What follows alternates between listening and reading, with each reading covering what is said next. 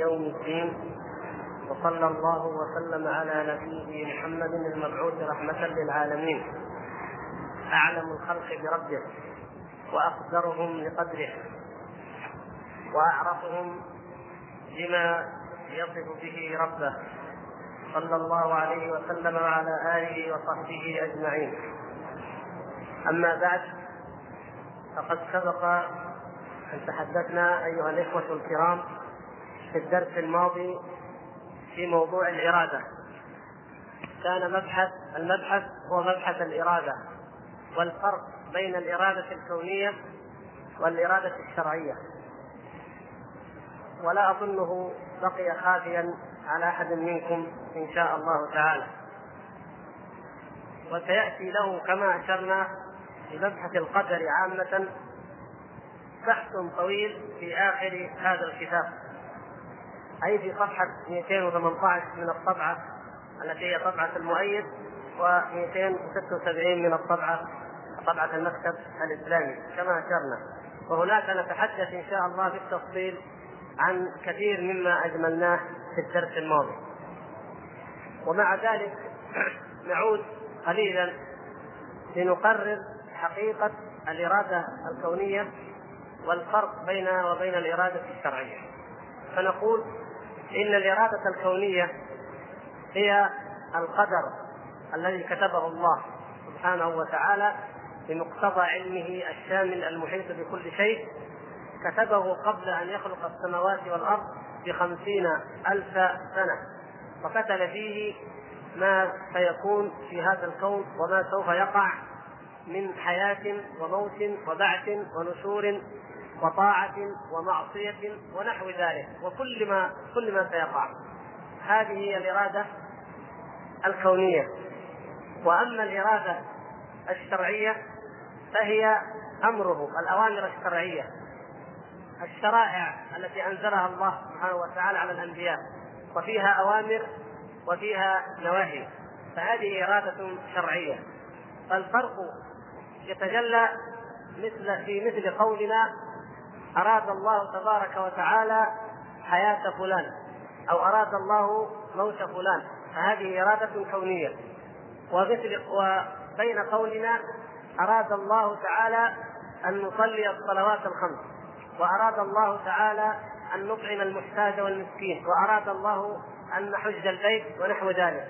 فهذه إرادة الأولى إرادة بمعنى العلم والتقدير والأخرى إرادة بمعنى الطلب والتشريع. هذا هو هذه أجلى وأوضح الفروق بين الإرادتين. وأظن ذلك لم يبق خاف عليكم إن شاء الله تعالى وإن بقي بعض الشيء من ذلك فلا بأس أن يوضع في الأسئلة. وأما الآن فإننا ننتقل إلى موضوع قد سبق أيضا أن تحدثنا عنه أو مر بنا وهو موضوع نفي التشبيه ونفي الشبه أو تشبيه الله سبحانه وتعالى بخلقه. وقد سبق الحديث عنه عند قول المؤلف رحمه الله ولا شيء مثله فيما سبق. هناك. وهذا استكمال وإيضاح لذلك لأن المؤلف رحمه الله قد يأتي بعبارات مترادفة موضحة المقصود منها هو تجلية هذا المعنى وإيضاحه وتحقيقه لدى السامع. وهي شبيهة بأن تكون مترادفة متكررة المعنى. ولكن الشارع رحمه الله يشرح كل آه، جملة بما يراه مناسبا للفظها ولما آه، لا يتنافى مع ما ذكر في الجملة التي قبلها. وإن كانتا مترادفتين أو شبه مترادفتين. الآن ننتقل ونقرأ الفقرة الثامنة.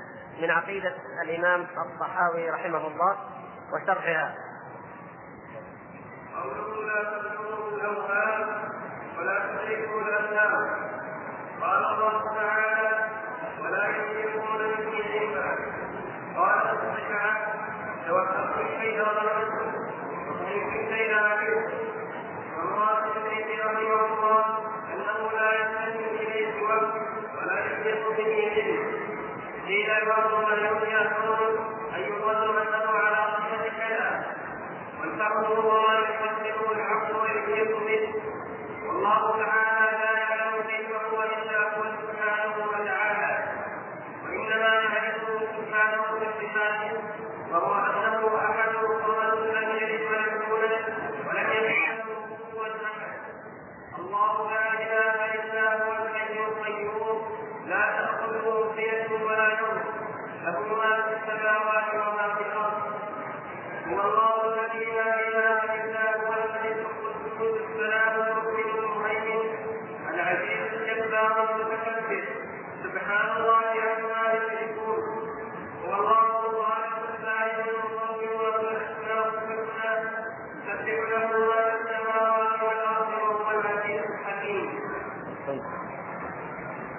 يقول المؤلف رحمه الله عن الله تبارك وتعالى لا تبلغه الأوهام ولا تدركه الأفهام.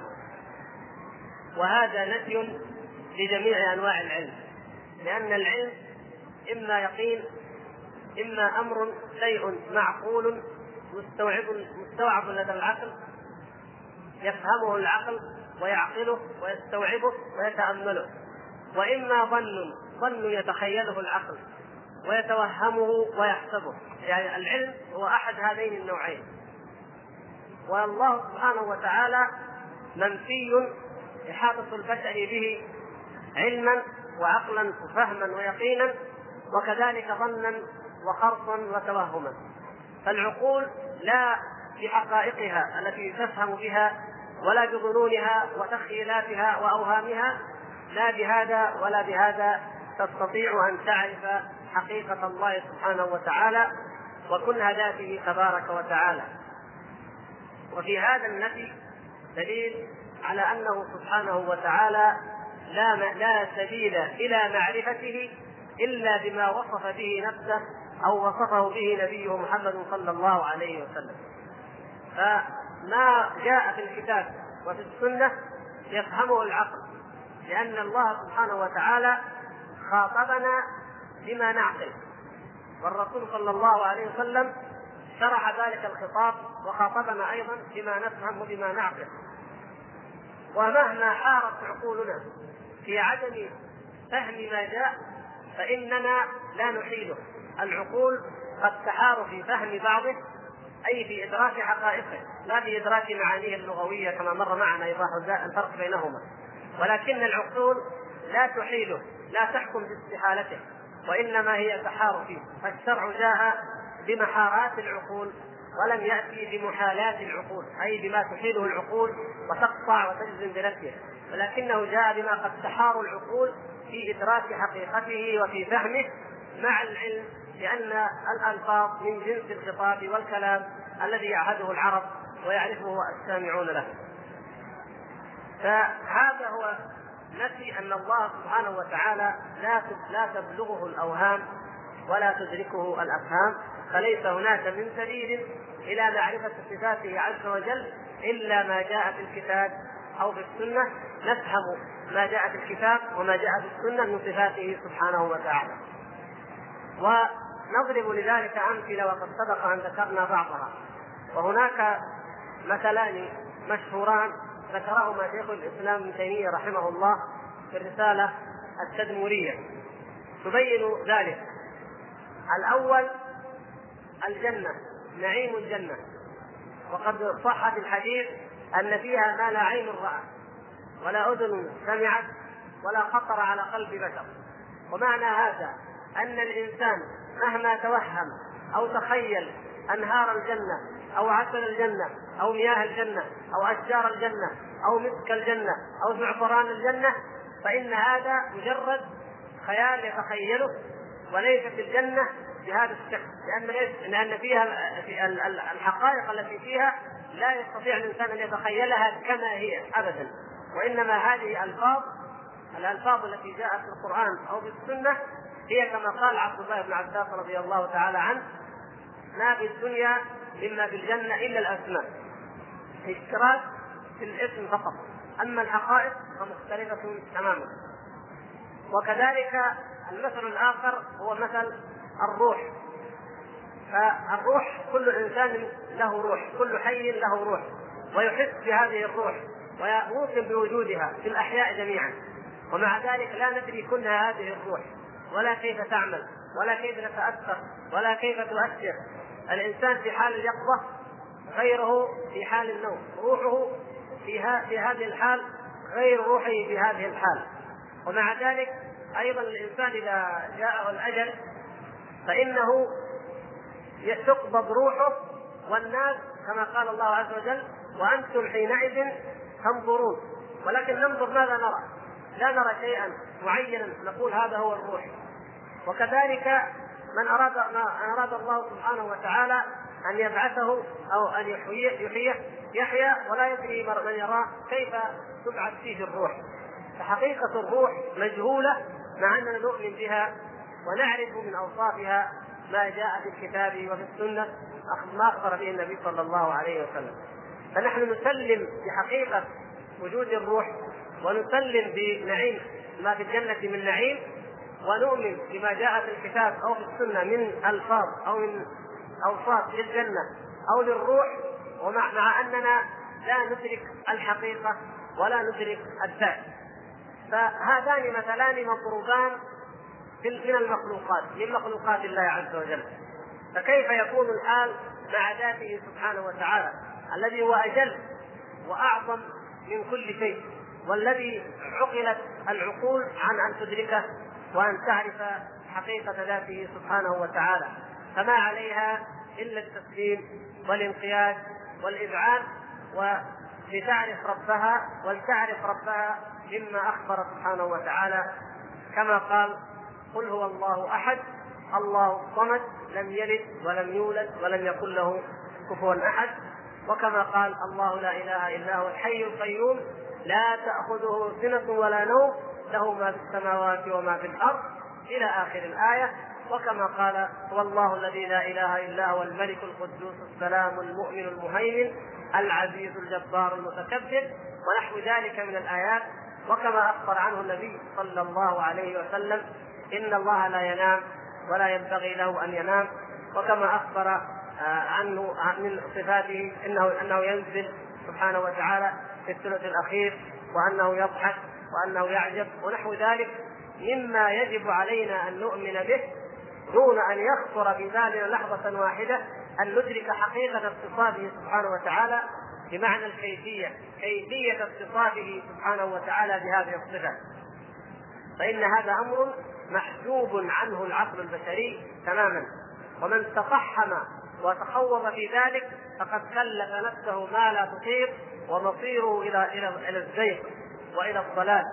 وهذا من أخطر الأمور التي وقع فيها آه، وقعت فيها الفرق وقع فيها نصاص الصفات والمبتدعه أنهم لم يقفوا بالعقل البشري عند حدود ما شرع الله سبحانه وتعالى له وإنما تجاوزوا ذلك وتقحموا الحديث في أمور لا قبل لهم بها. ومن تكلف علم أمر لا قبل له به فإنه يقع في الضلال حتما ويقينا.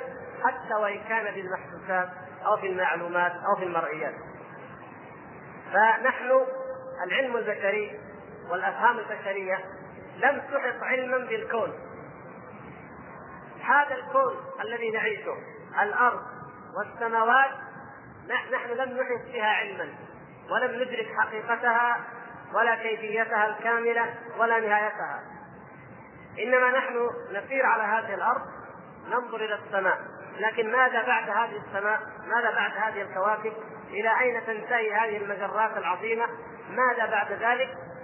هناك حيرة العقل البشري اليوم رغم المراصد ورغم الوسائل الاستكشاف حائر عن معرفة حقيقة هذا الكون فيا سبحان الله من كان حائرا إذا كنا حائرين في معرفة حقيقة ما نرى وما نسمع وما نحس ونشاهد فما بالنا نقحم أنفسنا في معرفة ما لا يمكن إدراكه قط. هذه من أعظم الأدلة على أن الإنسان ظلوم كفار كما قال الله تعالى. وأن أصحاب البدع قد تجاوزوا حدود ما شرع الله سبحانه وتعالى ولم يقفوا عندما وقف عنده النبي صلى الله عليه وسلم. وأصحابه من الإيمان بالله تبارك وتعالى والتسليم لكل ما أخبر به النبي صلى الله عليه وسلم من دون معارضة ومن دون محاولة فهم ما حجبوا عنه وما لم يحيطوا به علما. وهذا من أعظم الأسباب التي أوقعت الفرقة بين المسلمين وفرقتهم شيعا من المعتزلة ومن الجهميه ومن الرافضه وأمثالهم أي المجسمة أو الممثلة والمشبهة كما سيأتي إن شاء الله.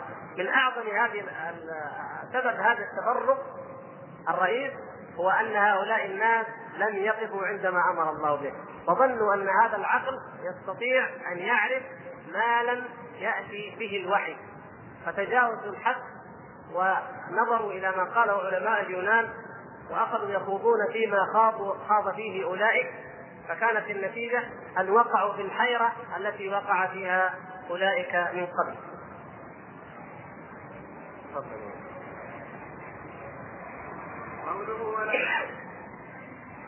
قوله ولا تشركوا بالله هذا رد لقول المشركين الذين يشركون الله وحده سبحانه وتعالى.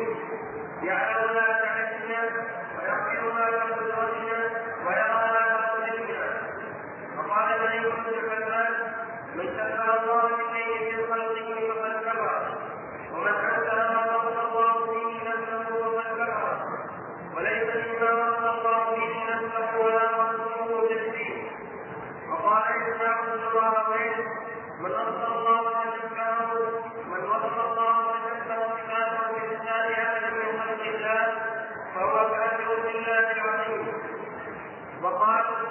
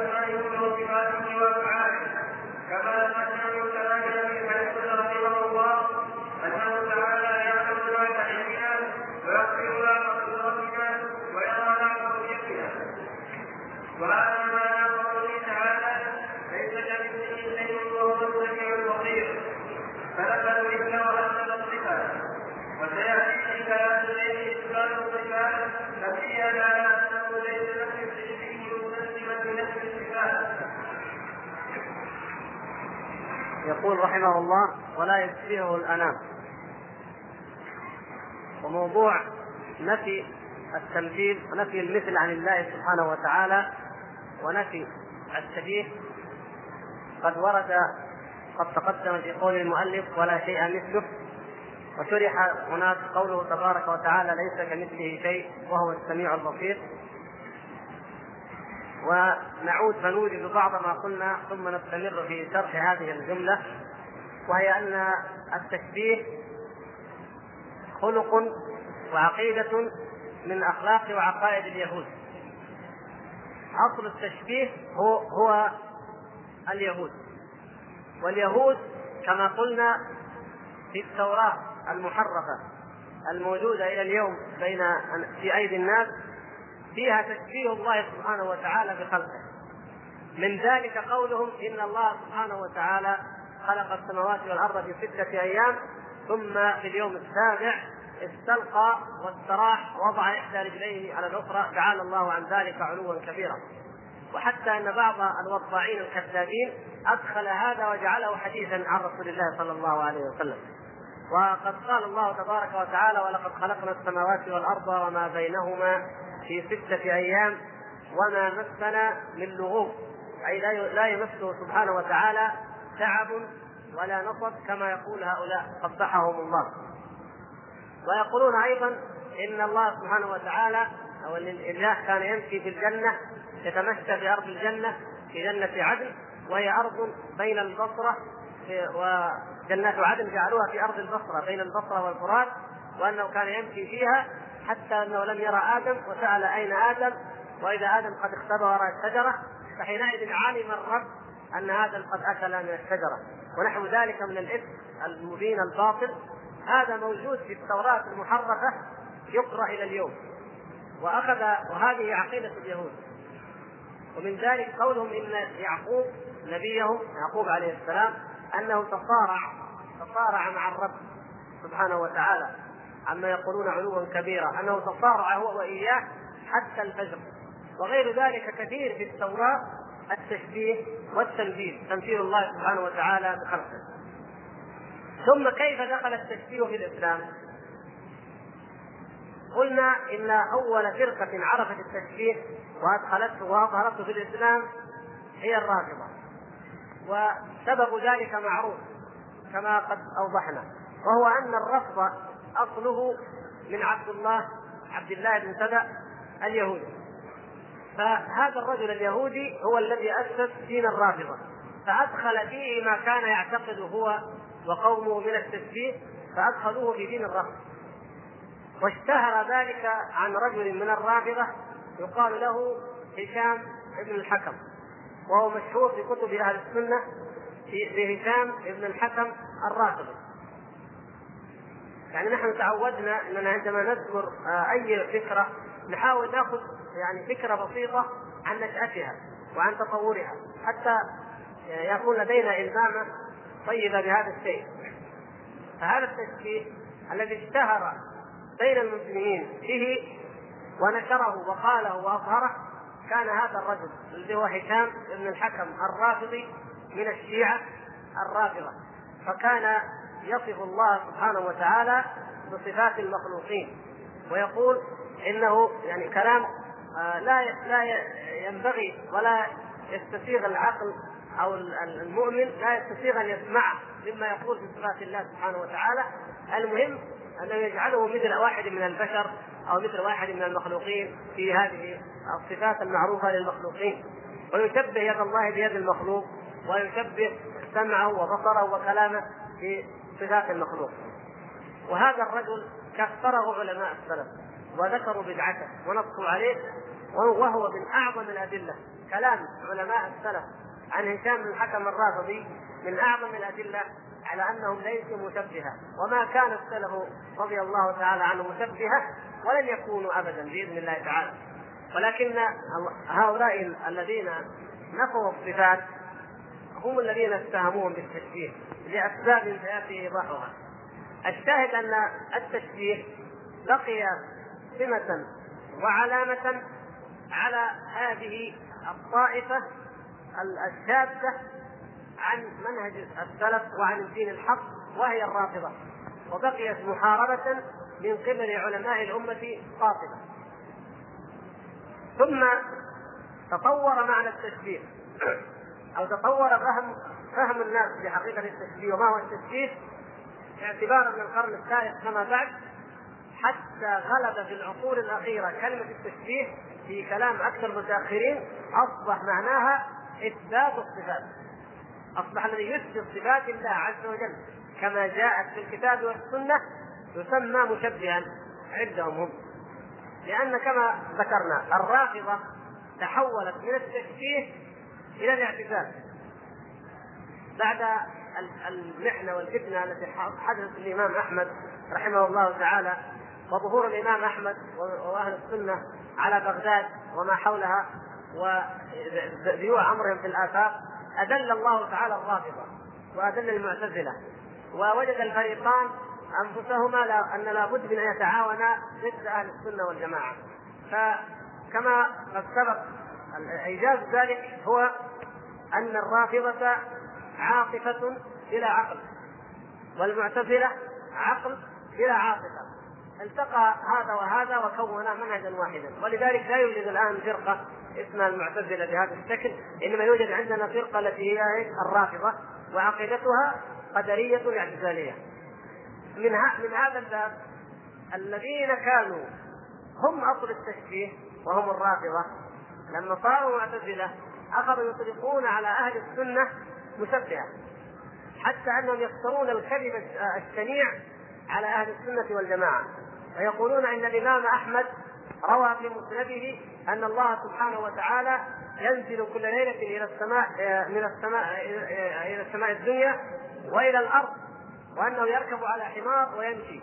هذا الكلام الكذب البهتان الذي لا, لا يمكن لأحد عرف مسند الإمام أحمد أن يخطر بباله أن هذا الحديث موجود في المسند، لكن يقولونه لعوامهم أن هذا في مسند الإمام أحمد ومعروف عند الناس الامام أحمد أنه إمام أهل السنة والجماعة فهؤلاء ينتقمون ويسأرون بما حصل لهم من الإمام أحمد ومن أهل السنة الذين كان يغلب عليهم أن يسموا الحنابلة في بغداد. فإنهم كانوا لا يدعون رافضيا إلا ضربوه أو قتلوه أو أخرجوه. فهذا انتقام من الرافضة من هؤلاء. يسمونهم مشبهة ومجسمة ويفترون عن الإمام أحمد مثل هذا الحديث. الذي لا وجود له ولله الحمد في مسنده. وهكذا انقلبت التهمة عند هؤلاء الرافضة. والرافضة قوم بهت يبهتون كما أن اليهود قوم بهت كما تعلمون في الحديث الصحيح لما جاء عبد الله بن سلام رضي الله تعالى عنه وقال يا رسول الله إن إن اليهود قوم بهت فاسألهم عني. فسألهم النبي صلى الله عليه وسلم. سأل أحبار اليهود ما تقولون في عبد الله بن سلام؟ قالوا حبرنا وابن حبرنا وسيدنا وابن سيدنا. فقام عبد الله وقال أشهد أن لا إله إلا الله وأشهد أن محمدا رسول الله. فقالوا هو شرنا وابن شرنا وأخذوا يحكمونه في نفس الوقت في نفس اللحظة. فهذا البهتان ورثه الرافضة ورثوه من اليهود. فإنهم يبهتون علماء السنة بمثل ما بهتوا في به اليهود عبد الله بن سلام رضي الله تعالى عنه. ويبهتون الإمام أحمد بأنه مشبه ومجسم ويروي هذا الحديث وأمثاله في مسنده. ولذلك يقولون إن أهل السنة مشبهة ومجسمة. وأول أول من أطلق كلمة الجسم في في هذه الأمة هو هشام بن الحكم الراشدي هذا وهو الذي آه، شبه كما قلنا وجعل صفات الله سبحانه وتعالى مثل صفات المخلوقين. فهذا التشبيه والتجسيم هذه الكلمة التي لم ترد في حق الله عز وجل الذي الذي أول من أطلقها هم الرافضة. فالمؤلف يحتاج هنا يحتاط يعني يقول ليس المراد نفس الصفات كما يقول أهل البدع. لماذا أيضا؟ عقيدة الإمام الطحاوي مثل غيرها من العقائد شرحها علماء من أهل السنة وعلماء من أهل البدعه هذه العقيدة التي بين أيدينا والتي كما ترون عقيدة سلفية نقية خالصة شرحها بعض الماتريديه شرحا ماتريديا لأنه مثل ما أول القرآن مثل ما أول السنة أول كلام الطحاوي أيضا. فجاءوا قالوا لا كون الطحاوي لا يشبهه الأنام هذا ينفي ينفي الصفات فيه نفي للصفات مع أنه يريد نفي الشبيه والنبي عن الله سبحانه وتعالى وهو مثبت للصفات. مثلا عقيدة الإمام ابن أبي زيد القيرواني. الإمام المشهور عند المغاربة وعند المالكية. من عادة كتب المالكية أنها في أول الكتب أول كتب الفقه تبدأ بمقدمة في العقيدة. ثم تبدأ بأحكام الطهارة وأحكام الوضوء وأحكام الصلاة. وهذه عادة حسنة لأن الإنسان أول وأهم يجب أن يتعلمه العقيدة. فإذا صلحت العقيدة يتعلم الوضوء ثم يتعلم يعني والطهارة عموما ثم الصلاة ثم الزكاة ثم الصوم. وهذا ترتيب جيد في في باب البحث والعلم والتصنيف. الإمام ابن أبي زيد رحمه الله كتب عقيدة مبسطة سلفيه واضحة في أول كتابه الرسالة. الرسالة الكتاب المعروف عند إخواننا المالكية والمغاربة. كتبها وجعل في أولها صفحات معدودات عقيدة سلفية سهلة بسيطة جدا. فماذا جاء ماذا صنع الشراح؟ شرحوا هذه العقيدة شرحا أشعريا تماما يقول مثلا ولا شيء مثله أو هذه العبارة التي هنا ولا يشبهه الأنام يقول الشارح منهم أحدهم يسمى الشنقيطي والآخر الأزهري في القرن الحادي عشر صاحب الفواكه الدواني. يقول هذا النفي إشارة إلى الصفات السلبية وهو الحي القيوم. قال هذا الإثبات إشارة إلى الصفات الثبوتية. ابن أبي زيد رحمه الله لا عرف سلبية ولا عرف ثبوتية ولا أراد هذا الكلام ولا خطر على باله ولكن شرحوها بهذا الشكل. لما وصل ابن أبي زيد عند قوله تعالى قال آآ آه، آآ آه، يريد أن يصفه تعالى بالعلو قال وهو على عرشه المجيد بذاته. هذه عبارة الإمام ابن أبي زيد. قال وهو يعني الله سبحانه وتعالى وهو على عرشه المجيد بذاته. يعني الله سبحانه وتعالى فوق عرشه بذاته. حللوها تحليل قالوا وهو على عرشه. حطوها ثم قالوا المجيد بذاته. فالله تعالى مجيد بذاته ليس مجيد بأحد من خلقه. بعدين قالوا يمكن هذا يحتمل أن هذا المعنى غير لائق. قالوا يحتمل أن بذاته يعود على العرش يعني بذات العرش وهو على عرشه المجيد بذات العرش. إيش يكون معنى بذات العرش؟ ما في معنى. لكن المهم حتى يخرجوا الكلام. الشاهد يا أخوان أنه مثل ما أول كلام الله وأول كلام رسول الله صلى الله عليه وسلم أول كلام الأئمة الواضح الجلي في إثبات صفات الله عز وجل. وإذا كان الدافع هو الهوى فلا تسأل ماذا يصنع الهوى. إذا كان الدافع هو طلب الحق والإيمان فمهما أخطأ الإنسان ممكن أن يرد إلى الحق وتقول له يا أخي هذا استدلال خطأ هذا فهم خطأ هذا كذا ويرجع. لكن إذا إذا كان الدافع هو الهوى والتعصب فليس هناك ضابط وليس هناك معيار وليس هناك راجع. فكذلك هنا وهذا سيمر معنا بإذن الله في مواضع من من شرح العقيدة الصحاوية. يأتي الإمام الصحاوي بعبارة واضحة سهلة لا لبس ولا خفاء في معناها مثل قوله ولا يشبهه الأنام يأتي الشراح الماتريديه ويقولون هذا نفي لليد ونفي للنزول ونفي لكذا ونفي لكذا كيف قال إن هذا نفي هل ما خطرت على بال المؤلف ولا على بال من يفهم؟ قالوا لا هذا لأنه نفترض فيه حسن العقيدة. يفترضون فيه حسن العقيدة. ومن كان حسن العقيدة عندهم فإنه ليس مجسما ولا مشبها. فالمقصود بنفي التشبيه عندهم هو نفي الصفات التي ثبتت في الكتاب والسنة ووصف الله سبحانه وتعالى بها.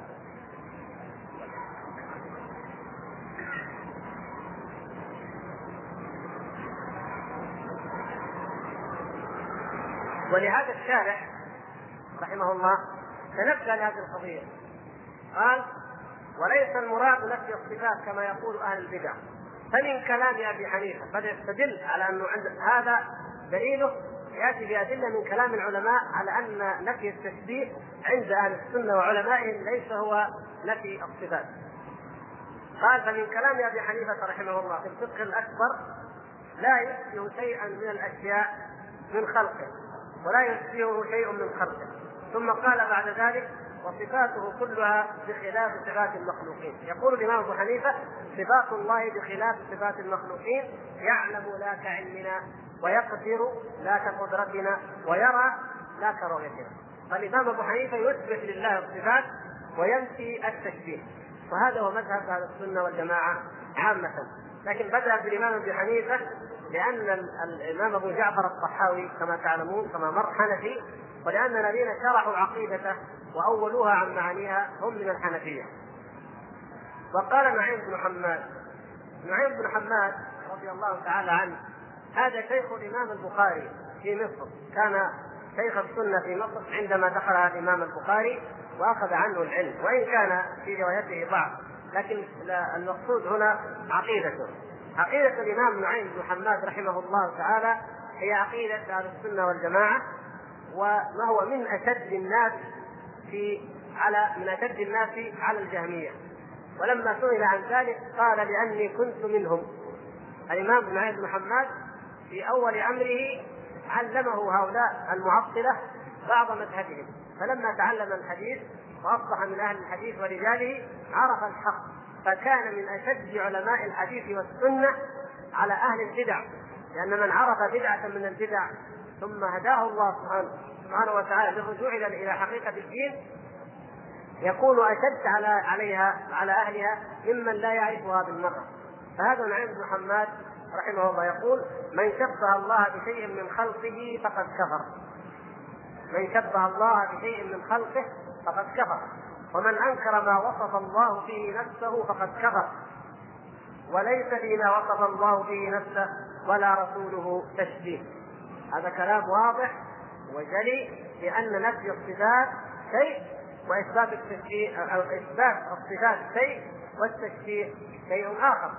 فالمشبه هو الذي يقول يد كيدي أو رجل كرجلي أو نزول كنزولي ونحو ذلك. وأما المثبت فهو الذي يقول له يد تليق بجلاله يقول ليس كمثله شيء وهو السميع البصير. يثبت له الصفات وينفي عنه التشبيه كما جاء في الكتاب والسنة. ففرق بين هذا وبين هذا. الذين يقولون إن من شبه الله تعالى بخلقه فقد كفر. كيف يمكن أن يكونوا هم مشبهة؟ لأنهم يثبتون الصفات. لا يمكن هذا ابدا. وقول إسحاق رضي الله تعالى عنه وهو أيضا شيخ الشيخين الإمام البخاري ومسلم وقرين الإمام أحمد ومن أجل أئمة الإسلام وأعلامه يقول من وصف الله فشبه صفاته بصفات أحد من خلق الله فهو كافر بالله العظيم. هذه الأقوال هي جزء من أقوال كثيرة ذكرتها وروتها كتب العقيدة التي كانت تسمى كتب السنة أو الشريعة. في الماضي. مثلا كتاب السنة لعبد الله بن أحمد. وكتاب الشريعة للاجري وكتاب الإبانة لابن بطة. وكتاب أصول اعتقاد أهل السنة والجماعة للالكائي وغير ذلك كتب كثيرة كانت تروي هذه الروايات بالسند المتصل إلى هؤلاء الرجال الأعلام الذين هم حجج حجة في دين الله عز وجل وأئمة من أئمة السلف الذين ورثوا العقيدة ورثوا الإيمان والعلم النبوي الصحيح في عصرهم وقاوموا هذه البدع التي نشأت في أيامهم. فنجد مثل هذا هذه الأقوال كثيرة.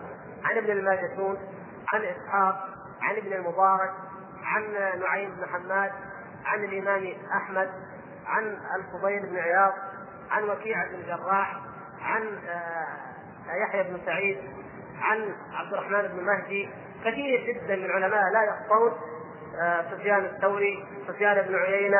تجد بعض هذه الكتب قد يبلغ آه، أكثر من أربعة مجلدات.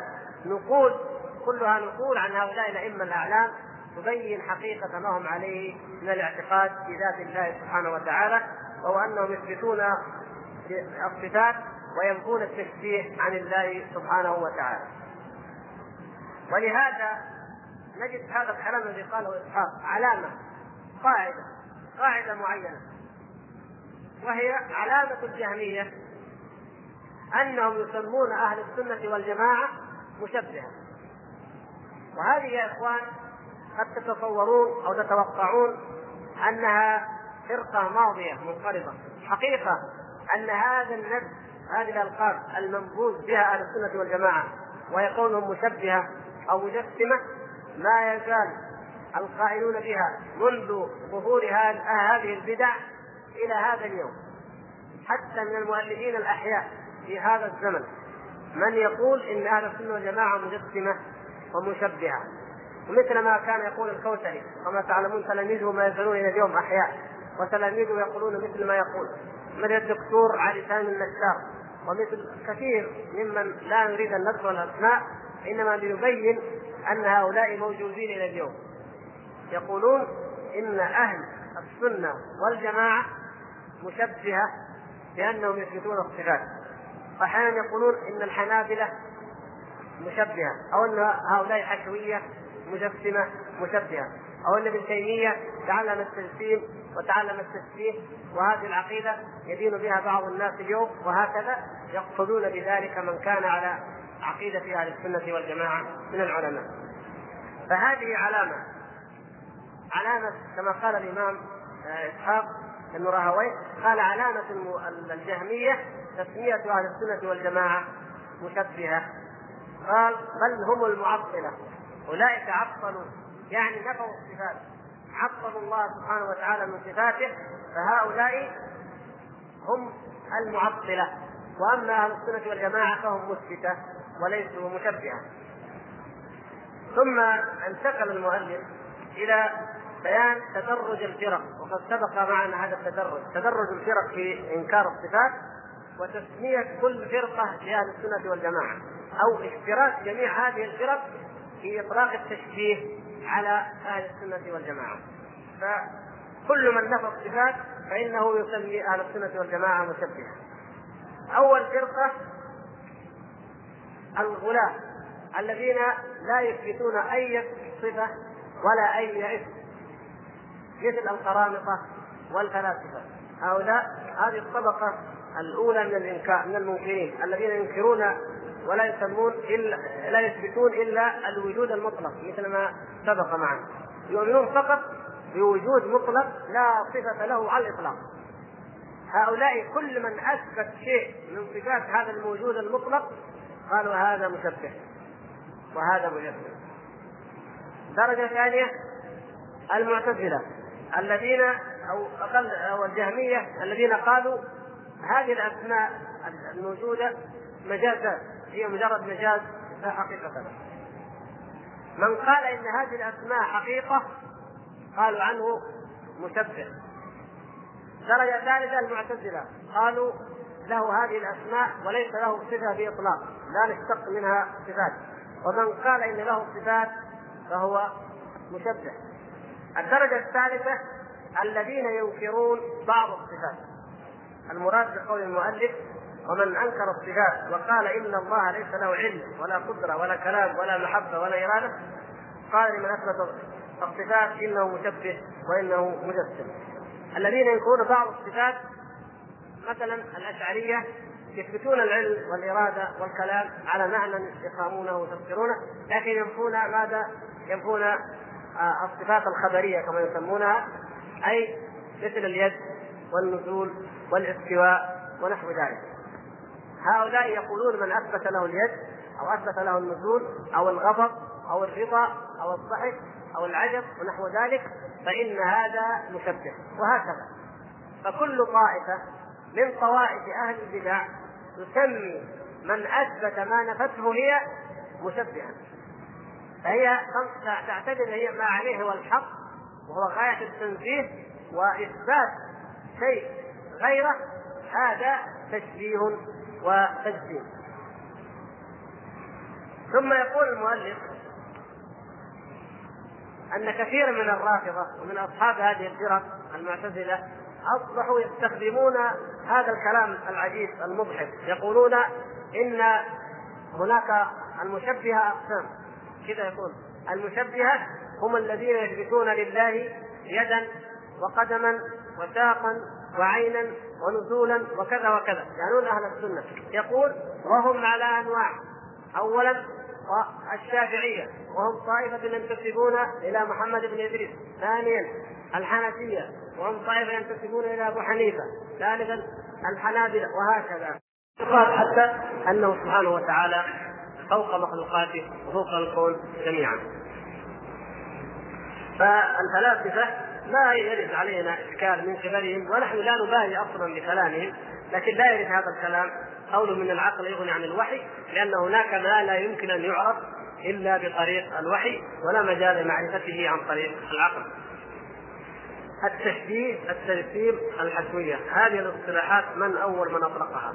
هل هم أهل البدع أم أهل السنة؟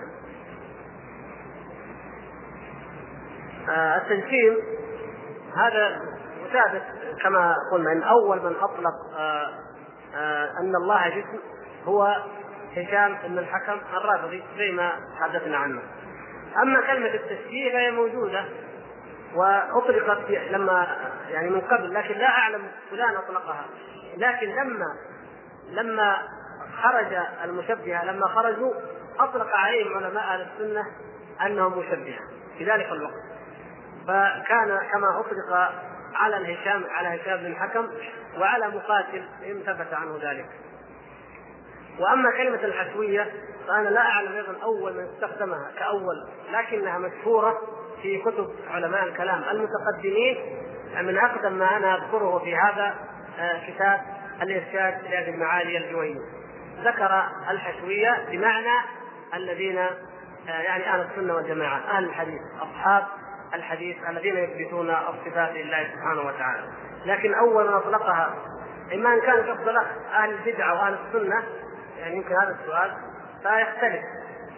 فكلمة التشبيه أطلقها أهل السنة كأنهم مشبهون المشبهة أطلقها أهل السنة على الرافضة لأن الرافضة أول من شبه وكلمة التجسيم أطلقها آه، هشام بن الحكم أطلقت عليه أيضا قيل له إنه مجسم. هذا إن كان هذا هو المقصود. وأما الحكمية فلا أعلم أن السلف أهل السنة استخدموها ولم ي... لم ي... يعني يصفوا بها أي فرقة إنما هم وصفوا بها من قبل المبتدعه في اسئله عن الزواج نؤخرها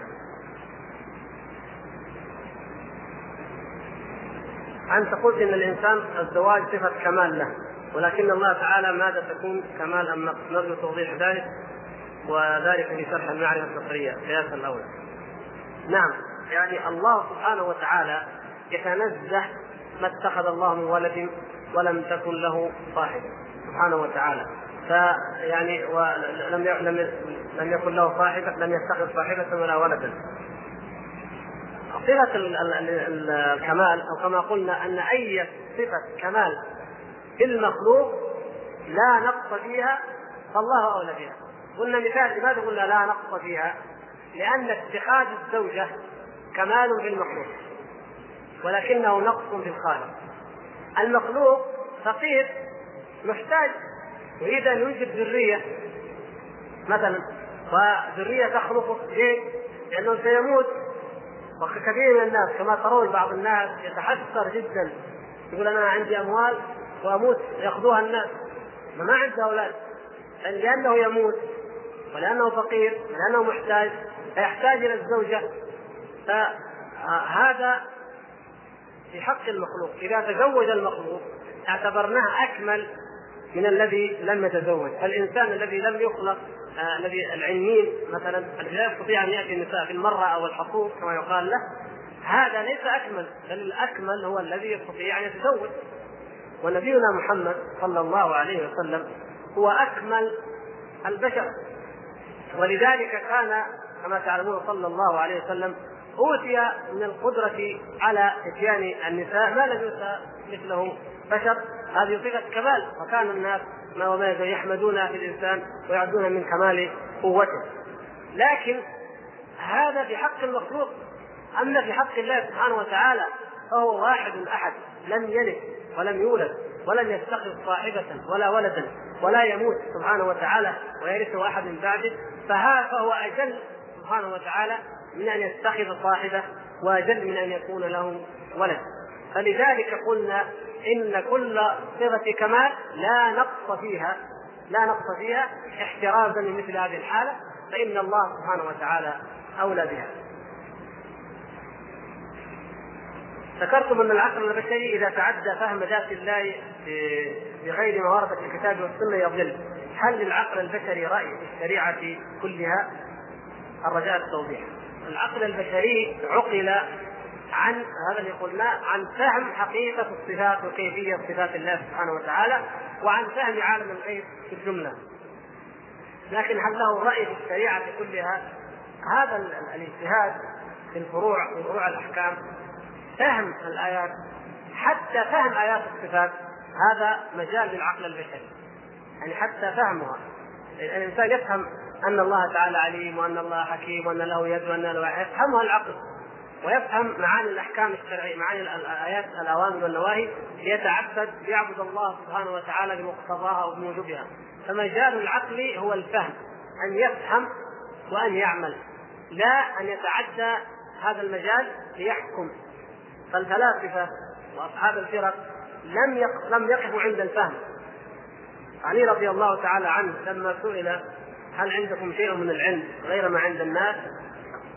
لأن الرافضة تزعم أن هناك علم باطن موجود عند علي رضي الله تعالى عنه وذريته. قال لا والذي خلق الحبة وبرأ النسمة ليس لنا علم, علم إلا كتاب الله. وفهما فهما يؤتاه المرء في كتاب الله. فهم يعطي الله سبحانه وتعالى الفهم من يشاء فيفهم من كتاب الله ما لم يفهمه الآخر. فالعقل وظيفته الفهم يتأمل في الآيات ويفهم هذه الآيات ويفهم آه، ما كان منها في الصفات وما كان بغيره. هذا هو دور العقل البشري. لكن الفرق المعتزلة وغيرهم جعلوا العقل حاكما.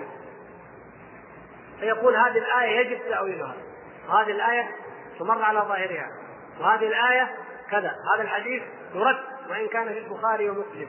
وهذا الحديث يتقوى وإن كان ضعيفا لأن العقل يؤيده. إذا حكموا العقل جعلوه يأخذ ويرد ويقبل وهكذا. هذا هو المنفي عن العقل الذي هو المقصود بنفي آه، صفات الله سبحانه وتعالى أو في في مجال العلم لله عامة.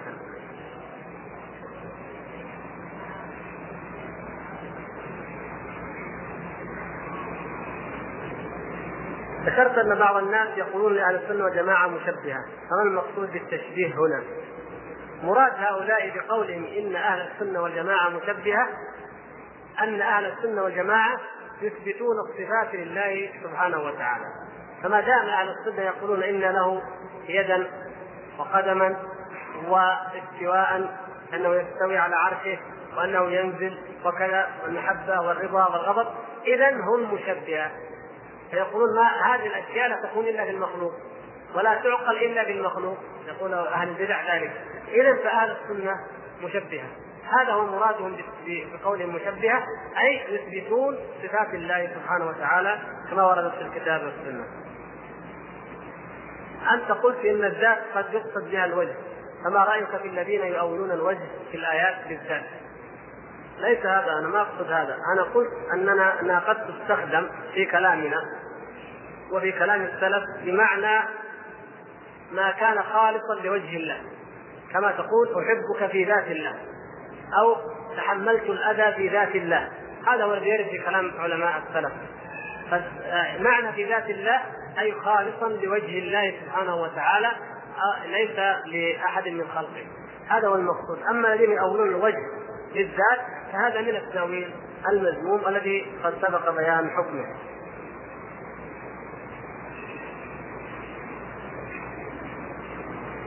طيب نترك فرصة للوضوء إن شاء الله. بعد الصلاة نكمل بقية الأسئلة. لأن الاخوان يريدون أن العالمين نستأنف الإجابة على الأسئلة. أخ يقول ما هو مذهب الماتريدية والهادويه الماتريدية سبق الكلام عنهم فالهادويه هؤلاء نسبة إلى ما يسمونه الإمام الهادي. هم الزيدية. الزيدية الذين يوجد مذهبهم إلى اليوم كما تعلمون هؤلاء يسمون هادوية وهؤلاء في العقيدة معتزلة. وأما في الفقه المذهب الهادوي له أحكام فقهية يختلف عن المذاهب الأربعة المعروفة ولكنه أقرب شيء إلى مذهب الحنفية. يعني هناك تشابه بين مذهب الهادوية ومذهب الحنفية في الفقه. ولكن من حيث العقيدة الهادوية أي الزيدية هم معتزلة. ويتميز مذهب الهادوية بميزة ومذهب الزيدية عموما بميزة تميزه عن بقية المذاهب الأخرى وهي أن الإنسان لا بد أن يجتهد. ليس عندهم تقليد مثل باقي المذاهب بل يرون آه، وجوب الاجتهاد على من استطاع الاجتهاد. ولهذا نجد عندهم أئمة مجتهدين كثير. وهذه إحدى الحسنات التي أخرجت بعض الأئمة على عقيدة السلف في اليمن كما تعلمون. خرج عدة أئمة بحكم هذا الانتماء بحكم الحرية للإنسان أن يجتهد خرج منهم من كان على عقيدة السلف وله مؤلفات عظيمة مثل ابن الوزير الذي كان محاكيا لشيخ الإسلام ابن تيمية في كثير من آرائه ومن كتبه. كانت كان ذا عقلية آه، قوية وعلما ذا علم واسع رزيق والإمام الشوكاني والإمام الصنعاني وأمثال أولئك. فهؤلاء كانوا بفضل أو بحسنة أن هذا المذهب مذهب الهادوية يوجب الاجتهاد على من استطاع. والمجتهد الإنسان إذا تحرر من القيود التبعية والتعصب واجتهد فإنه يصل بإذن الله إلى الحق. ولذلك نجد الإمام الشوكاني رحمه الله كان أول أمره زيديا كان يؤول الصفات كما تجدون في كتابه آه، التفسير المعروف السر عفوا فتح القدير نعم. الجمع بين الرواية والدراية يعني علم التفسير. فالشوكاني رحمه الله في أوله أول بعض الصفات. ثم ذكر في نفس التفسير قال ثم تبين لي الحق وهو اتباع مذهب السلف الصالح ونحن نتبعه وأصبحت مؤلفاته رحمه الله على مذهب السلف الصالح. نتيجة أنه مجتهد أنه أتيح له الاجتهاد. فأقول لو كان المذهب الهادوية يفرض التقليد فقط داخل المذهب على من على الأئمة لربما لم يوجد مثل هؤلاء لكن لأنه يوجب الاجتهاد فالاجتهاد تحرر الإنسان من التبعية العقلية لغيره أمر يجعله يصل إلى الحق إن شاء الله إذا تجرد أيضا عن الهوى المذموم. هذه خلاصة مذهب الهادوية. هل حديث لا تفكروا في ذات الله؟ وتفكروا في آلاء الله هل هو صحيح؟ نعم حديث صحيح مع اختلاف يسير في اللفظ لكن الحديث صحيح من حيث أنه حديث ومن حيث أن الله سبحانه وتعالى قد أمر بذلك ودلنا عليه في القران فإن الله سبحانه وتعالى وصف المؤمنين المخبتين بأنهم يتفكرون في خلق السماوات والأرض وأمرنا أمر العباد جميعا بأن يتفكروا في خلق السماوات والأرض وأن ينظروا إلى كيف بدأ الله الخلق ثم سبحانه وتعالى ينشئ النشأة الآخرة. وأمر أن الإنسان أن ينظر فلينظر الإنسان إلى طعامه. وأمره أن ينظر أيضا إلى الإبل وإلى السماء وإلى الجبال. كما تعلمون آيات كثيرة في النظر في هذه المخلوقات والتفكر فيها. والاستدلال بها على عظمة الله سبحانه وتعالى.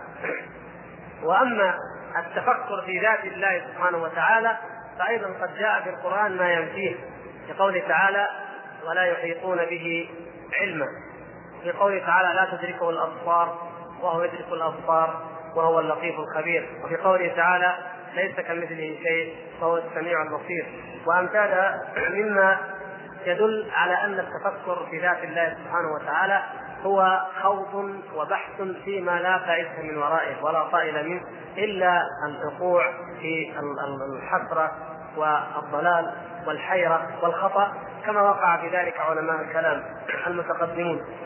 فنتفكر في مخلوقات الله لنستدل بها على عظمة الله سبحانه وتعالى. كما قال الإمام عبد الله بن مبارك رضي الله تعالى عنه لما سئل عن آيات الصفات أو احاديث الصفات قال إن النبي صلى الله عليه وسلم رأى جبريل وله 600 جناح. جبريل من مخلوقات الله.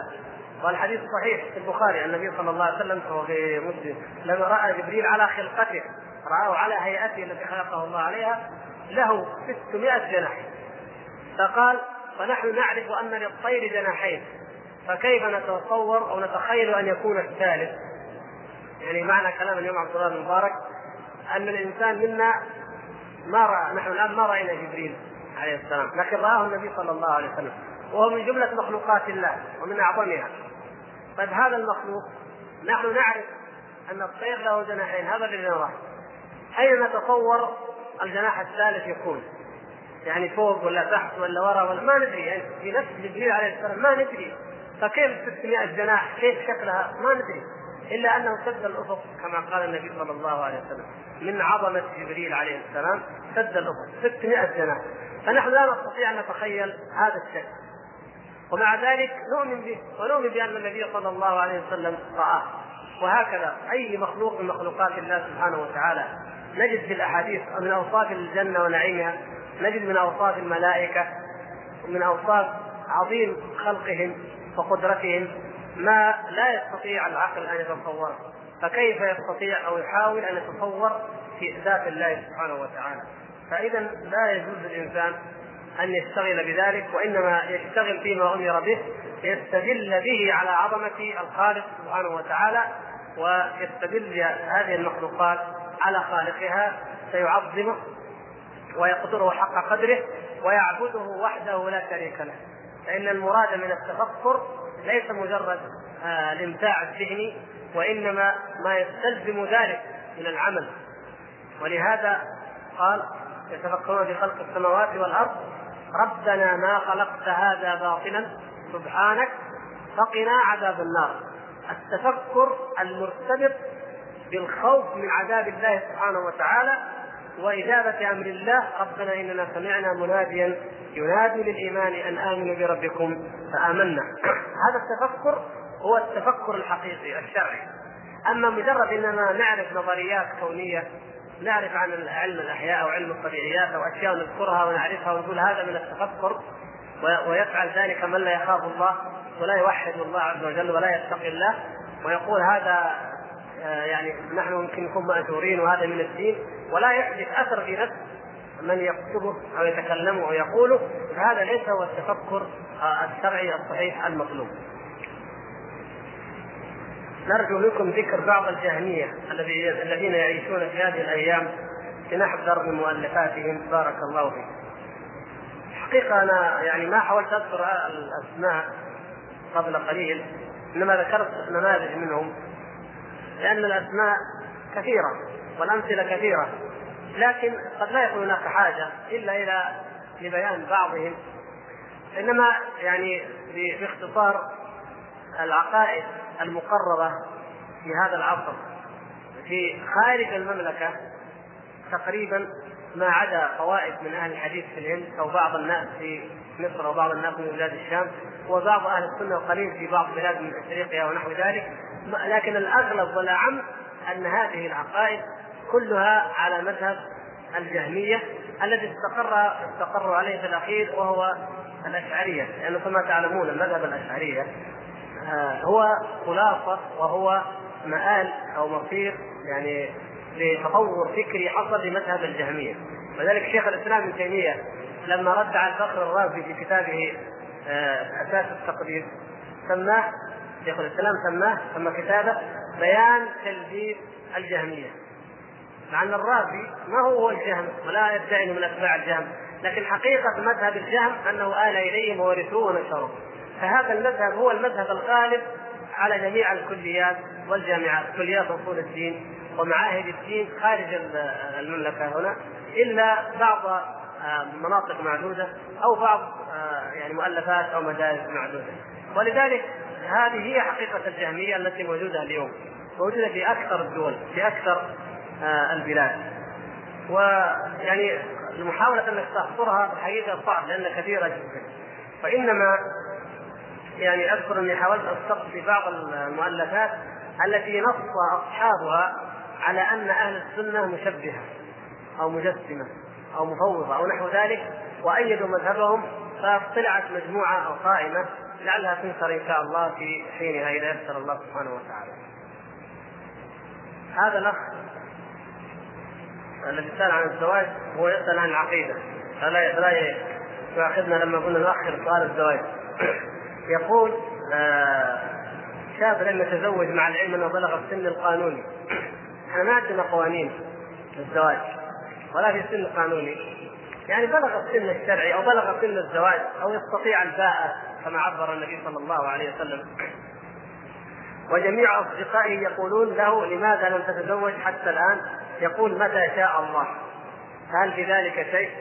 يعني يقول متى ما شاء الله. ليس في ذلك شيء. إذا كان يعلق آه، المقصود هو أنه متى ما تمكن ومتى استطاع تزوج ليس في ذلك شيء. لأن كل شيء هو بمشيئة الله سبحانه وتعالى.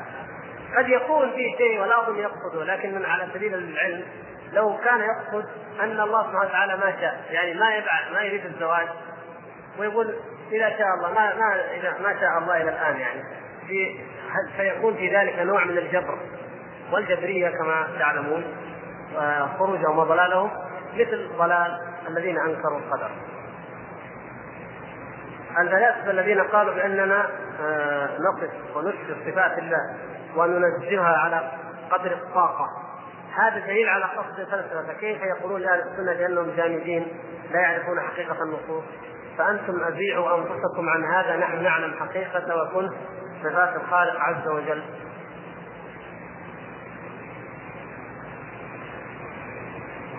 يعني ما أدري بالضبط إنما المقصود الذي ورد في الكتاب أن الفلاسفة ينفون صفات الله عز وجل ويثبتون وجودا كليا مطلقا لا يوصف بأي صفة.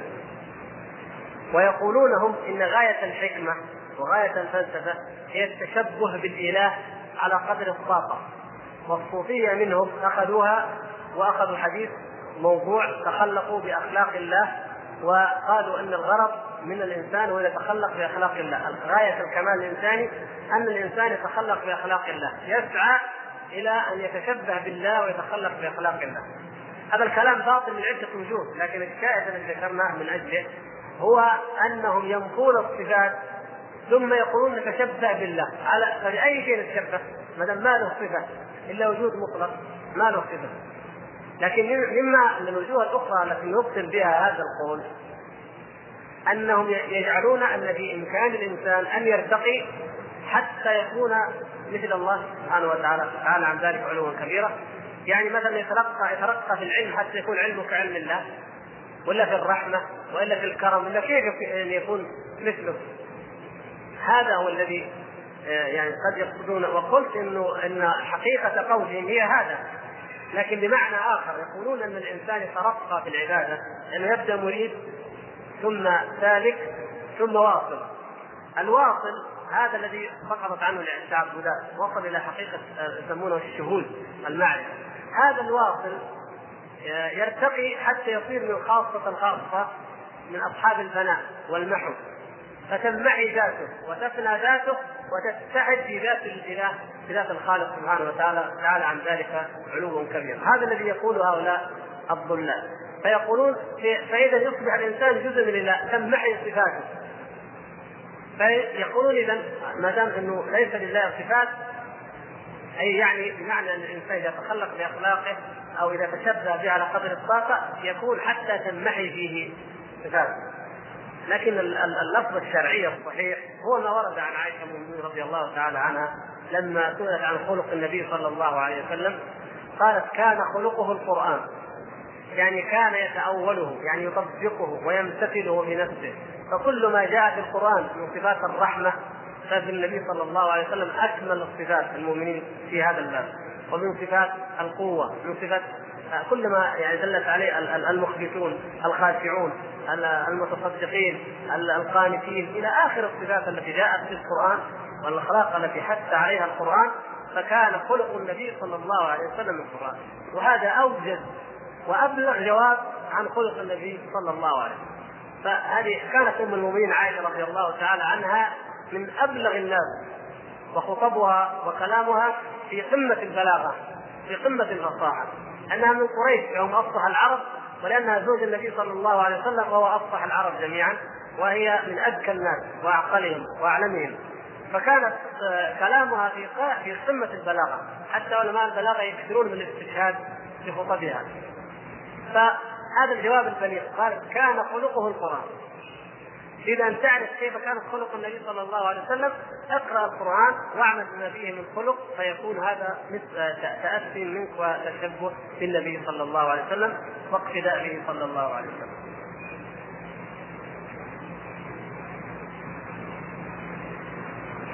ما هو الماتريديه مرة؟ ما فائدة نفي الإمام أبي حنيفة؟ وقد علمنا أن النفي مجمل والإثبات مفصل.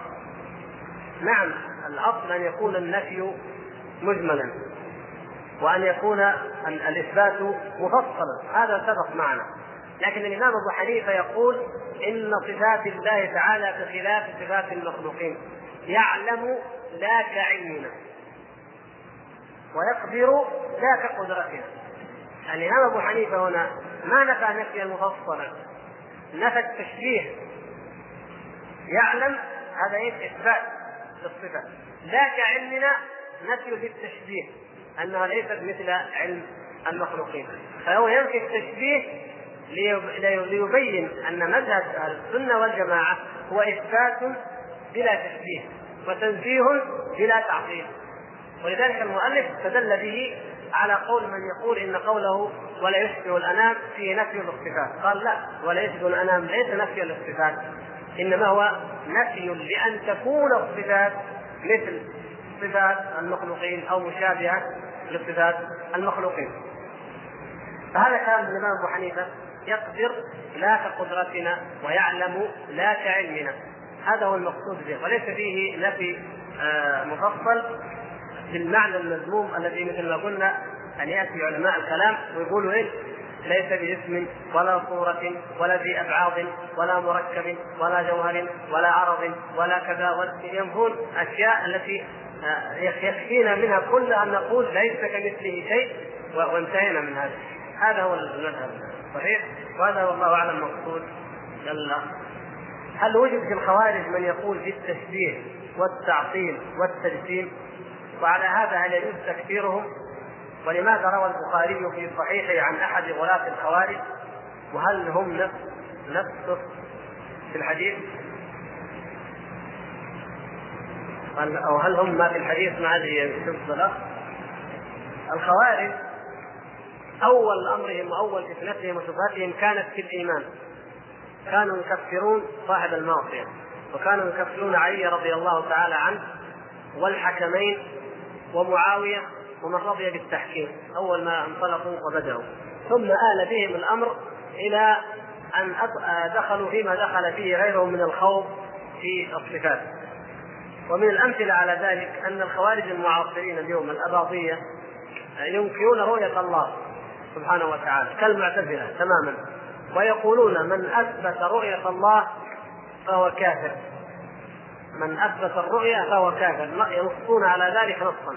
معنى ذلك أن أهل السنة والجماعة عندهم كفار. فدخلوا في الاعتزال ومعظم عقائدهم منقولة ومأخوذة عن المعتزلة ومنها هذا المثال.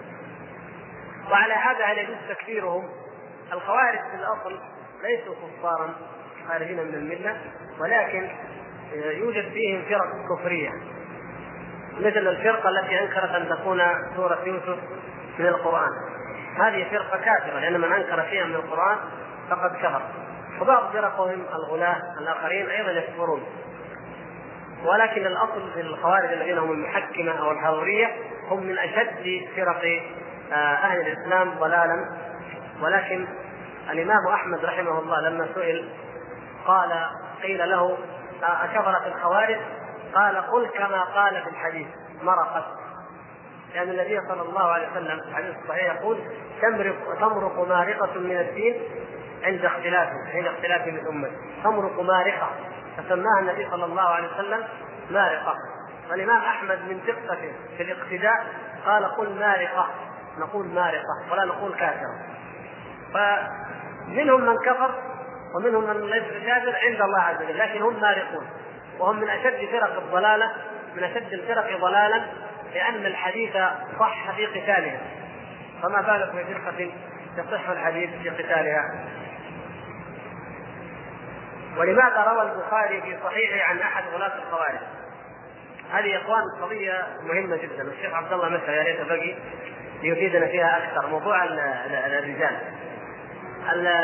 الرواية عن الرجل لا شك أن الأصل في من يروى عنه أن يكون عدلا أي من أهل السنة والجماعة وليس فيه أي بدعة من البدع هذا الأصل الذي ينبغي أن يكون والذي عليه عامة المحدثين لكن علم الرواية مبني على ماذا؟ على الثبوت على ثبوت النقل المقصود بالذات وبالخاصة من علم الرواية هو ثبوت هذا النقل عن النبي صلى الله عليه وسلم. طيب لماذا إذا نرجع عن الخوارج؟ لماذا نرجع عن القدريه؟ القدريه فرقة من المعتزلة. لا اعتراض على ذلك، ليه؟ الخوارج قوم يرون المعصية كفرا، المعصية الذنب عند الخوارج كفر خروج من الملة. فهو الخارجي إذا كذب على واحد اعتبر نفسه كفر. فكيف إذا كذب على النبي صلى الله عليه وسلم؟ الخوارج ما يكذبون ما يستحلون الكذب إذا كان عندنا الكذب كبيرة فعند الخوارج الكذب كفر فلذلك الرواية عن الخوارج مقبولة. لكن ليش؟ فيما لا يوافق بدعتهم. مع ذلك نقول فيما لا يوافق بدعتهم. لكن الرواية عن عامة الخوارج من حيث الأصل أن الأولين منهم خاصة تقبل لأنهم أبعد الناس عن الكذب. لكن من هي أكذب طائفة؟ التي قال عنها الإمام الشافعي أكذب الطوائف في الإسلام كلها الرافضة. وذلك الرافضة لا يروى عنهم مطلقا. حتى كتبهم هم كتب الرافضة مثل آه هذا الكريلي الكافي وأمثاله المهذب. كتب الرافضة تجد أنها مروية عن رجال يوثقهم الرافضة أنفسهم يوثقونهم غاية التوثيق. ولو رجعت إلى كتب الجرح عند الرافضة لوجدت أنهم مطعون في عدالتهم مطعون في دينهم.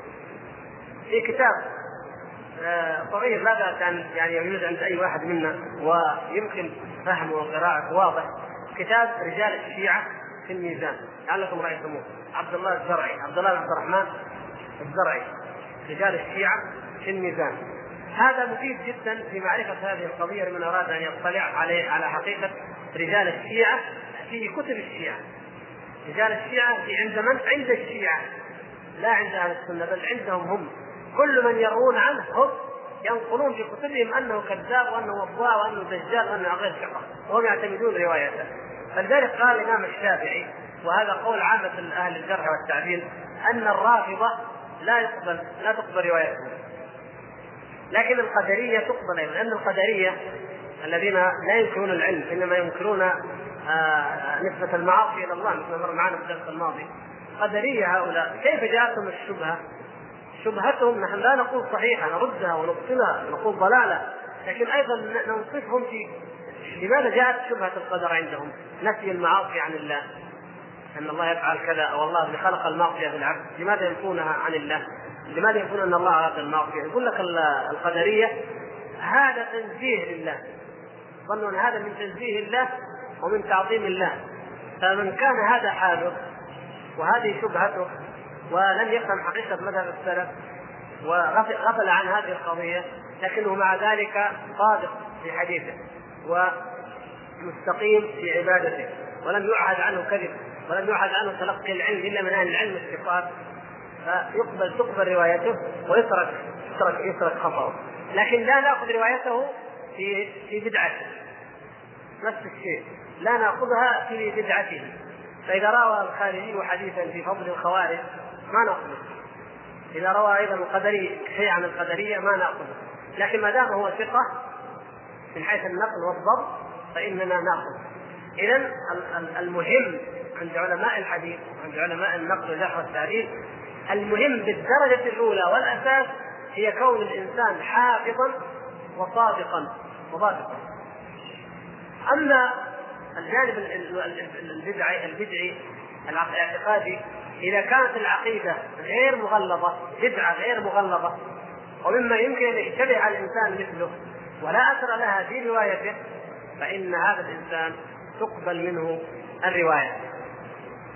هذا مجمل القول في في رواية عن البخاري البخاري عن الخوارج.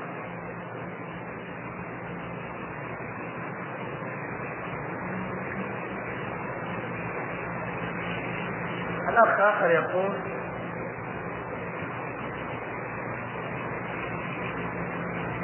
سألت أحد الزيدية عن الأجل فقال إن عندهم من الأجل ينقسم إلى قسمين الأجل الطبيعي للإنسان والأجل المكروم كان يقتل الإنسان إنسان آخر فيخرم أجله لماذا نرد عليه؟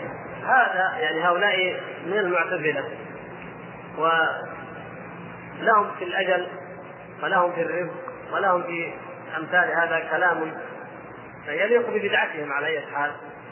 هم يقولون إن الاجل الحقيقي هو الذي كتبه الله عز وجل على الإنسان أن يموت. أما لو جاء أحد فقتله فهذا يقولون إنه هذا من فعل العبد ولا ينسب إلى الله عز وجل. ويرد عليهم بأن يقال هل الله عز وجل علم بهذا وقدره؟ إن أثبتوا إن نفوا العلم ان نفوا إن الله ما علم ما علم ولا قدر فهذا الانسان يخرج من الملة والعياذ بالله. وإن أثبت أن الله علم وهو الذي قدره فنقول مثل ما بينا في الدرس الماضي نقول إن الله اراد أراده كونه يعني قدره. ولكن لم يرده شرعا أي لم يرضى به ولا يرضى به سبحانه وتعالى. لكن كما تعلمون في الحديث الصحيح أن الله سبحانه وتعالى ان أن كل الإنسان في بطن أمه يجمع خلقه نطفه ثم علقة. المهم على رواية مسلم أنه بعد 42 ليلة فيبعث الله سبحانه وتعالى إليه ملكا. فيؤمر بكتب أربع كلمات. ومنها إيش؟ أجله. أجله. فنقول لهم يؤمر الملك بكتب رزقه وأجله وعمله وشقي ام سعيد فيؤمر بكتب أجله بمعنى متى سيموت. فهذا المولود هذا الإنسان الذي قتل واحد. الا تؤمنون وتقرون بأن الله تعالى كتب آه، عليه أنه يموت قتلا.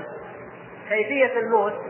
وإن كانت من عند المخلوق أو بيده سبب من المخلوق فإنها تدخل ضمن الأجل المكتوب للإنسان.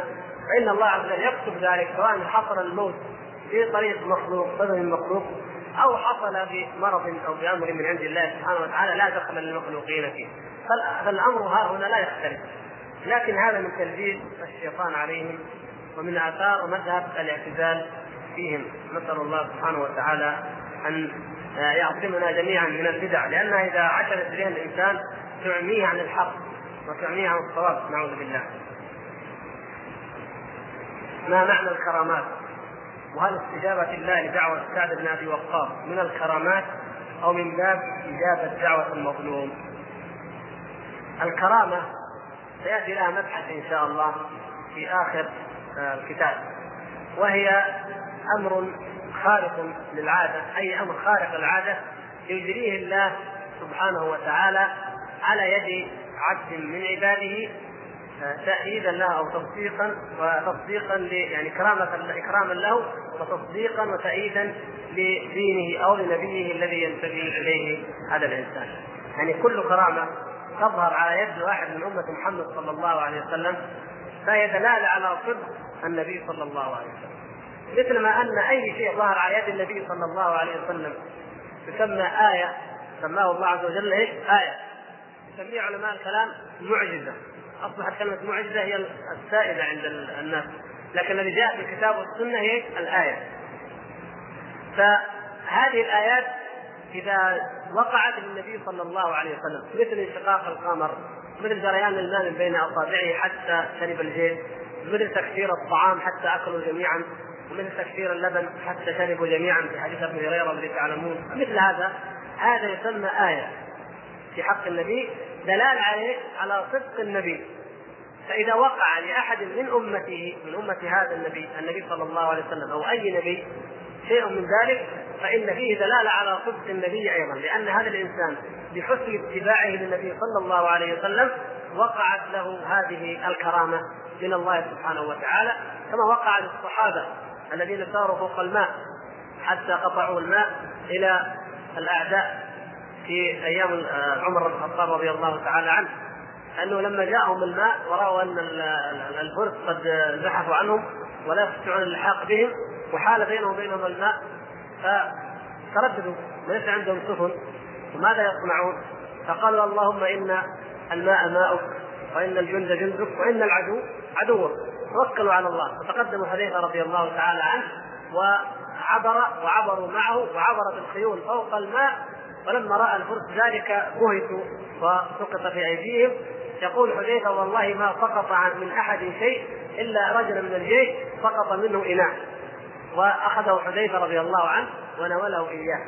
وعبروا فوق الماء يمشون كرامة لهم بحسن تمسكهم بمحمد دين النبي صلى الله عليه وسلم. والكرامات يا إخوان كثيرة. ليس شرط الكرامات أن تكون حسية مثل مشي على الماء أو أن الإنسان لا يخاف منه الأسد كما حصل عبد الله بن عمر أو أمثال ذلك. ليس شرطا هذا. هناك كرامات أخرى لا يدركها كثير من الناس وهذه التي يجب أن ننبه إليها. الإمام أحمد رحمه الله تعالى له كرامات عظيمة خير الكرامات التي نقلت عنه من إجابة الدعوة ومن يعني ما ما أعطاه الله سبحانه وتعالى من رؤية النبي صلى الله عليه وسلم في المنام ومن أشياء كثيرة منقولة في سيرته ندع هذا جانبا نقول للإمام أحمد كرامة عظيمة جدا ربما تكون أعظم من هذه وأكثر ثباتا وأكثر يعني أكثر ثبوتا من حيث النقل وأكثر وضوحا بين أيدي الناس. وهي إيش؟ وهي أنه لما انحرفت الأمة ثبت الإمام أحمد رحمه الله وصمت. هذه كرامة كرامة عظيمة. أمة كل العلماء يوافقون المبتدعه ويأتي هذا الرجل ويثبت ثم يظهره الله عز وجل حتى ترجع الأمة كلها إلى ما كان عليه. ويصمد بالأذى وبالضر وبالتعذيب. ثم يؤلف المسند. يقول يعني ألف المسند ليكون مرجعا للناس. لأن المعركة بينه وبين هؤلاء كانت بين النقل بين الوحي وبين الجدل والعقليات والكلام. فأو جمع الوحي. يكون هذا المسند جعله على أبواب. لا المسند لم يستوعب السنة كلها لكنه هو أضخم وأعظم دواوين السنة الموجودة الآن. لكن لم يستوعبها كلها إنما من حيث الأبواب مستوعب لأبواب السنة جميعا من حيث الأبواب. المهم هذه كرامة عظيمة. الله عز وجل ألقى للإمام أحمد من الكرامات أنه كان إذا أشار إلى واحد إشارة بنعم رفعه الله. ونتناقل العلماء جميعا أن الإمام أحمد زكى فلان فيكون ثقة في دينه وفي علمه وفي روايته كل الناس. وإذا قال أحمد في رجل لا خفضه الله عز وجل. فلا تقبل روايته ولا يوثق بعلمه. سبحان الله كرامة عظيمة جدا. ما تكون هذه إلا للأنبياء أو لمن كان على منهاج الأنبياء بدرجة عالية جدا. الحارث المحاسبي كان من أشد الناس في العبادة. فلما بلغت الإمام أحمد عنه بعض البدع الصوفية وقال إنه مبتدع ونهى تلاميذه عنه ما ما ما شيعه إلا أربعة نفر. من خاصه تلاميذه واقربائه في بغداد التي كان سكانها يعني يعدون بالملايين في ذلك الزمن. أكبر مدينة كانت في العالم. على شهرته وعلى سمعته وعلى ما شيعوه الناس. لماذا؟ لأن أحمد قال فيه مبتدع. سبحان الله. هذه كرامة عظيمة. لو أن الخليفة ذاك الوقت أمر الناس لا أحد يشيعه يمكن يخرج 100 ولا 1000 ولا 2000 وتصير مصادمات مع رجال الشرطة. لكن هذا بدون لا شرطة وبدون أي شيء. قال كلمة. قال هذا فيه بدعة. خلاص. اسقطه الله عز وجل. هذه الكرامات العجيبه الإمام البخاري له كرامات ينقلها العلماء. لكن في كرامة عظيمة للامام البخاري. كرامة موجودة بين أيدينا اليوم موجودة بين أيدي المسلمين. ينبغي لنا أن نهتم بها وأن نعرفها وأن نعرف حقيقة هذه الكرامة وأن نعرف مقدار ما يبتدع المبتدعه الذين يجعلون الكرامات مجرد أنه طارق الهواء ولا مشى فوق الماء سبحان الله. الإمام البخاري كرامته الكبرى تأليف الصحيح. أن يؤلف أحد كتابا ويخرجه يستخرج فيه الأحاديث الصحيحة الثابتة عن النبي صلى الله عليه وسلم حتى تتلقاها الأمة جميعا بالقبول وتجمع عليه ويقولون إنه أصح الكتب بعد كتاب الله العزيز. هذه في كرامه أعظم من هذه. كونه مثلا الإمام البخاري كان زاهدا أو كان يأكل في اليوم كذا أو كان أو رأى النبي صلى الله عليه وسلم ويدب عن الحديث الأشياء كلها كرامات. لكن هذه الكرامة العظمى التي باقية ومشهوده ومعروفة. ولهذا من يتبعون الكرامات من أهل البدع من أهل الضلالات نقول لهم أين كرامتكم الحقيقية؟ الكرامة الحقيقية هي باتباع النبي صلى الله عليه وسلم. وكل مسلم فهو لديه من الكرامة بمقدار ما هو متبع لسنة النبي صلى الله عليه وسلم. ولا يخلو متبع مطيع متمسك بالسنة أن يكرمه الله عز وجل بمثل هذه الأشياء مثل هذه الخوارق. بحيث إنه أي إنسان يقع له بإذن الله بعقاب أشياء لو نظرها لو نظر إليها الإنسان المادي اللي لا يؤمن بأي شيء يتعجب كيف حصلت له يرزقه الله تعالى رزق ما كان يتوقعه ييسر له في أمر ما كان يتوقعه يعطيه أشياء ما كان يحسب لها حساب. من من نعم الله عز وجل. هذه فيها تثبيت للمؤمن فيها تطمين له. فيشعر أن الله عز وجل يعني معه ويؤيده. ومع ذلك كان الصحابة رضوان الله تعالى عليهم والسلف يخافون من هذا خوفا عظيما. كانوا يخافون. لماذا؟ لأنهم يخشوا أن يفتنوا. لو أن واحد منا يقرأ القرآن مثل الصحابي الذي قرأ القرآن قرا الملائكة رأى النور متصل ما بين السماء والأرض الملائكة تسمع قراءته. لو كان في هذا العصر قد يفتن هذا الإنسان. يقول أنا إذا أنا ولي إذا أنا كذا إذا فقد يضل قد يذل الشيطان ويفتنه. فاذا قد يكون من رحمة الله عز وجل بأمثالنا في هذا العصر أنهم منعوا من مثل هذه الكرامات. إن كان إن شاء الله في الأمة الخير باقي وفيها من يكون له مثل ذلك.